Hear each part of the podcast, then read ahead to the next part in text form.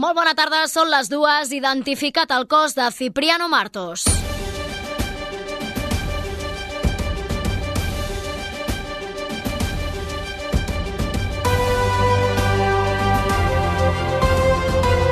Notícies migdia. Núria Garcia.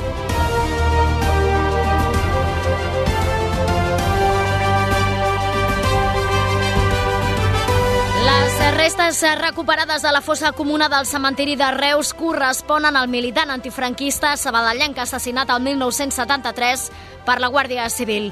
Justícia ho ha confirmat després que les proves d'ADN hagin estat coincidents. Amb els resultats obtinguts culmina un llarg procés endegat pel seu germà Antonio Martós, que ha estat 50 anys reclamant que es fes justícia. Avui acompanyat de la consellera Gemma Ubasart i el director general de Memòria Democràtica, Alfons Aragoneses, Antonio Martós ha tornat a carregar contra el règim franquista. Si la guerra terminó en el 39, ¿cómo siguió la guerra hasta el año 77 y 78? Bueno, porque la guerra siguió no en contra de ellos, del régimen, sino en contra del pueblo llano. Y, y en el 73 que asesinaron a mi hermano, ¿cómo que no le dieron siquiera ni, ni 20 días de libertad para que pudiera reflexionar si algo había hecho mal y fuera y pidiera perdón y, y, y fuera perdonado? Després d'identificar les restes, el jutjat de Reus haurà de ser qui autoritzi el retorn de les despulles de Cipriano Martos a la família, que té previst traslladar-les a Granada. A banda d'aquesta qüestió, durant el Notícies migdia d'avui també us parlarem de la compravenda d'habitatges a Sabadell, de la nova temporada dels museus i l'arxiu històric i de la detenció del pare de les dues germanes de Terrassa assassinades al Pakistan l'any passat. Notícies migdia. La informació en 15 minuts. Els serveis.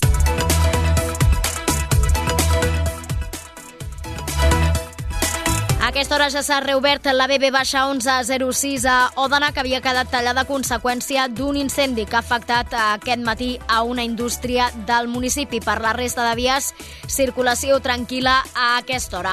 I com funciona el transport públic? Albert Garran, des del Transmet, bona tarda. Què tal? Bona tarda. Doncs estem tenint un dimecres de normalitat a gairebé tota la xarxa de transport públic on no destaquem fins al moment alteracions al transport ferroviari, excepte alguna demora puntual que hem destacat, algun tren de Rodalies a primera hora. Pel que fa a bus, sí que en podem destacar, en aquest cas, fora de la ciutat de Barcelona. I és que al Baix Llobregat Sud, l'operador Avanza Baix ha avisat d'una afectació generalitzada a totes les seves línies de bus que pot alterar el servei normal de les seves línies. Així que és important per als usuaris d'aquestes que consultin a l'operador el seu estat o bé que utilitzin transport alternatiu. De moment això és tot des del Transmet. Bona tarda.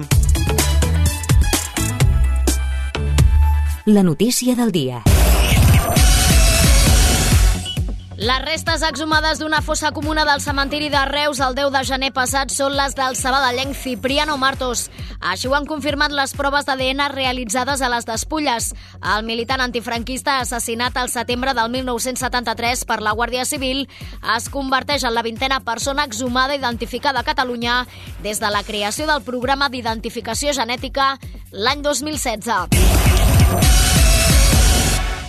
Anem fins al Parc del Nord, on hi ha la Karen Madrid, perquè ens expliqui l'última hora d'aquesta compareixença del germà de Cipriano Martos, Antonio Martos. Molt bon dia, Karen. Molt bon dia. Doncs el germà de Cipriano Martos, l'Antonio, s'ha mostrat satisfet dels resultats, però també s'ha mostrat dolgut d'haver trigat 50 anys en aconseguir que es fes justícia, o justícia almenys en part. En aquest sentit, ha reiterat que el seu germà no es mereixia el que li van fer. Él no había hecho ninguna muerte como tantas de los, de los dictadores habían hecho, ni había usado ningún arma, simplemente que había tirado cuatro papeles pidiendo un poco de, de libertad y de justicia por, por los salarios tan, tan míseros que se pagaban y todo, y tantísimas horas de trabajo y esas cosas. No, no era por, por, por haber hecho ningún asesino ni nada de eso.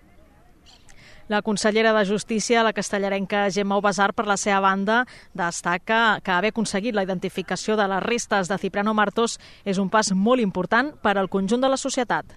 les societats democràtiques avançades doncs, dignifiquen la memòria d'aquells que han lluitat per les llibertats, pels drets.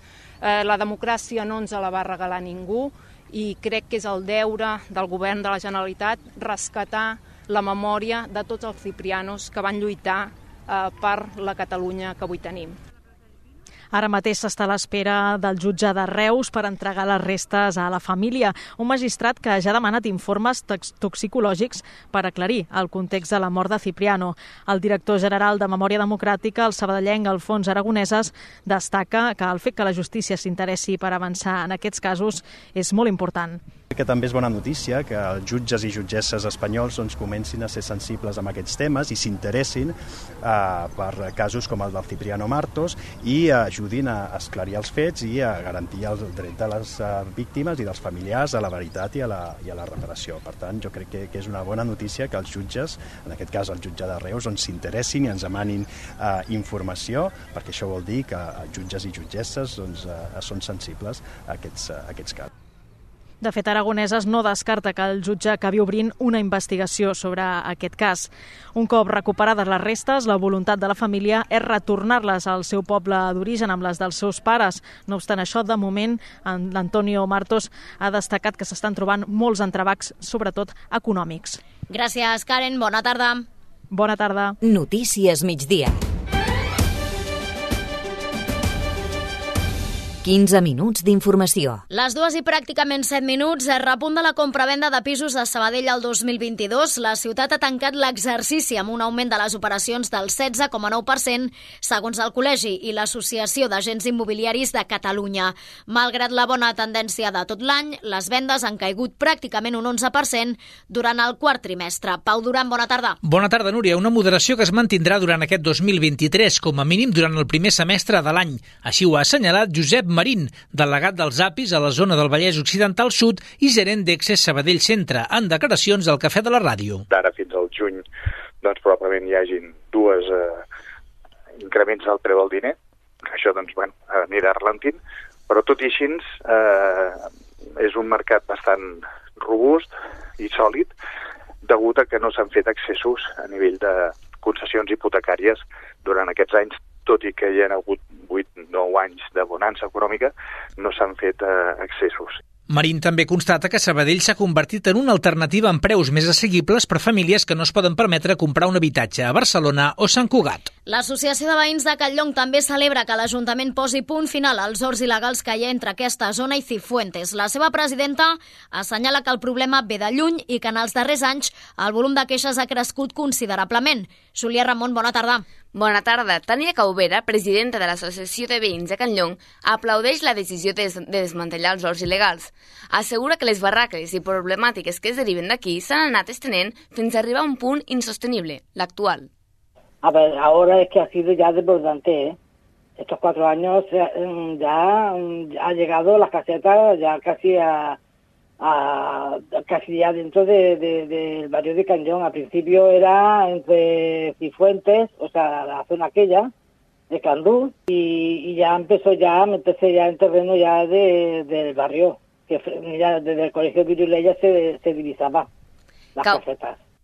Caubera, però, considera que construir habitatges protegits en aquests mateixos terrenys no és l'opció més idònea. Tem que això no respecti el valor mediambiental de la zona. Tota la informació a Ràdio Sabadell.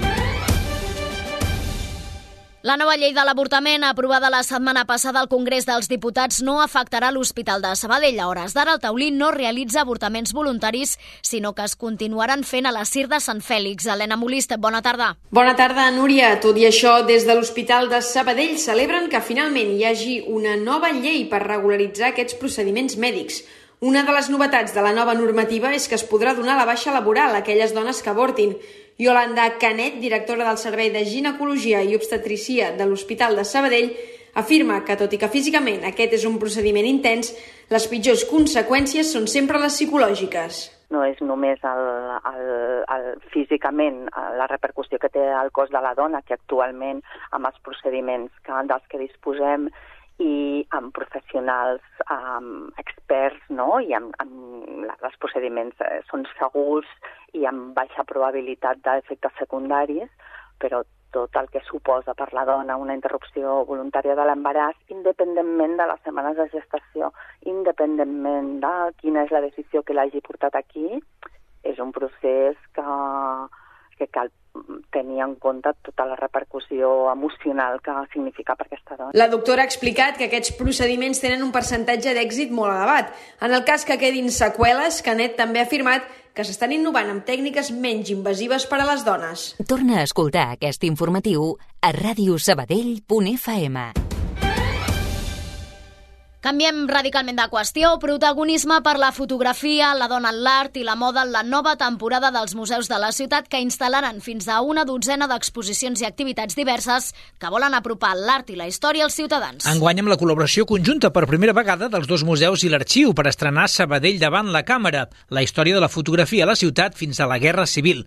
La directora del Museu d'Art, Engràcia Torrella, diu que cal pensar en tots els públics. Un dels objectius sempre és pensar en els públics els públics hi ha molt tipus de públic i tots aquells projectes intentem treballar-los pensant a qui van dirigits i adaptant-los i llegint-los de manera que puguin uh, aportar, fer gaudir, uh, ensenyar a, a diferents tipus de públics. Per exemple, persones amb necessitats especials un exemple d'adaptació serà l'eina La mirada tàctil per l'exposició permanent. També hi haurà la mostra Vestits de dona modistes de Sabadell, Restitució, Art i Paraula, Geòrgia i altres qüestions i de l'objecte el paisatge i el temps. A més, dones a la galeria i de l'oblit a la revolta d'esses invisibles. Ara fem de nou memòria perquè hi ha hagut una nova troballa arqueològica al carrer Sant Pere. Es tracta d'uns dipòsits per emmagatzemar olis minerals per la indústria tèxtil. L'arqueòleg Jordi Roig, de l'empresa Rago, encarregada de les prospeccions, ha explicat el cafè com eren aquests elements? Són, eh, diguem enterrats, fets en el subsol,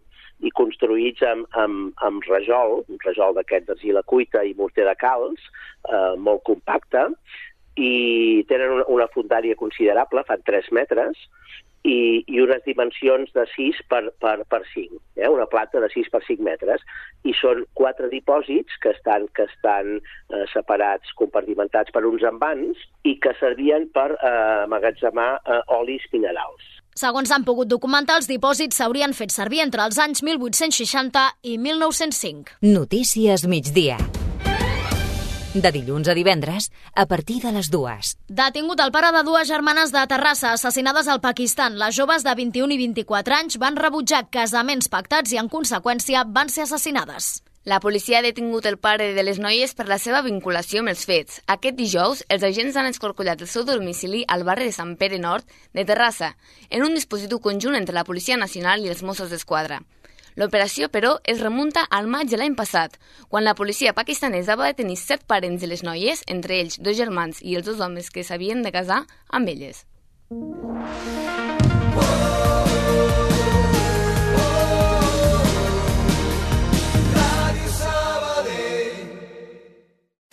Busquem el sabadellenc de l'any. Ens ajudes a trobar-lo? Laura Andrés, Maria Antònia Cavistany, Caral Castellet, Antonio Martos o Tomàs Pladevall. Entra a la pàgina web de Ràdio Sabadell i vota la persona més destacada de la ciutat d'aquest últim any, fins al 14 de març a les 12 de la nit. Segona edició del Premi Sabadellenc de l'any. Organitza i Sabadell amb la col·laboració de Ràdio Sabadell. Ens ajudes a trobar-lo? Ràdio Sabadell. Notícies.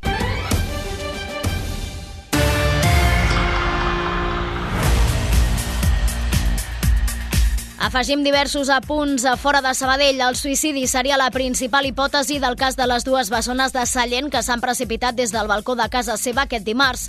Les nenes de 12 anys haurien saltat de forma voluntària per problemes en l'àmbit familiar, segons la investigació. Una d'elles ha mort i l'altra continua ingressada en estat greu però estable al Parc Taulí. Els Mossos d'Esquadra han trobat dues cartes escrites per les noies i dues cadires on s'hi haurien enfilat. Rebien ajuda de psicòlegs del seu institut, però això no havia havia fet saltar les alarmes ni s'havien detectat problemes de bullying. La família procedent de l'Argentina ja feia dos o tres anys que s'havia instal·lat a Sallent. La gala dels Premis Grammy Llatins se celebrarà a Andalusia. És la primera vegada que la cerimònia se celebra fora dels Estats Units i tot apunta que la ciutat escollida serà Sevilla. Se celebrarà al novembre, com és habitual, però per primera vegada no en aquell país, sinó que justament ho farà Andalusia. Així ho ha anunciat aquest dimecres el president de la Junta, Juanma Moreno, després de reunir-se amb el CEO de l'Acadèmia Llatina de Gravació. I acabem, Espanya enviarà sis tancs Leopard a Ucraïna en les pròximes setmanes, així ho ha anunciat la ministra de Defensa, Margarita Robles, a dos dies del primer aniversari del conflicte. Tot plegat el dia en què Joe Biden també ha refermat el seu suport a Kiev i assegura que Ucraïna mai serà una victòria per Rússia. Robles no tanca la porta a incrementar el nombre d'efectius, mentre que Biden ja avança que s'aprovaran més sancions contra Rússia. El temps.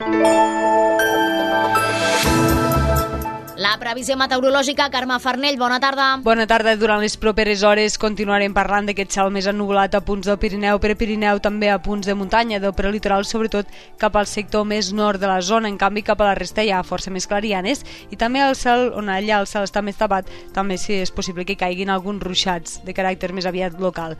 Sí que de cara al final del dia d'avui, també durant el dia de demà parlarem d'un cel molt ennubulat a bona part del país i també s'espera precipitació, que durant la primera meitat del dia afectarà afectarà sobretot cap a les comarques més de l'interior del territori, fins i tot fins a primeres hores de la tarda, i després sí que la tendència tendirà a desplaçar-se cap a la resta del país.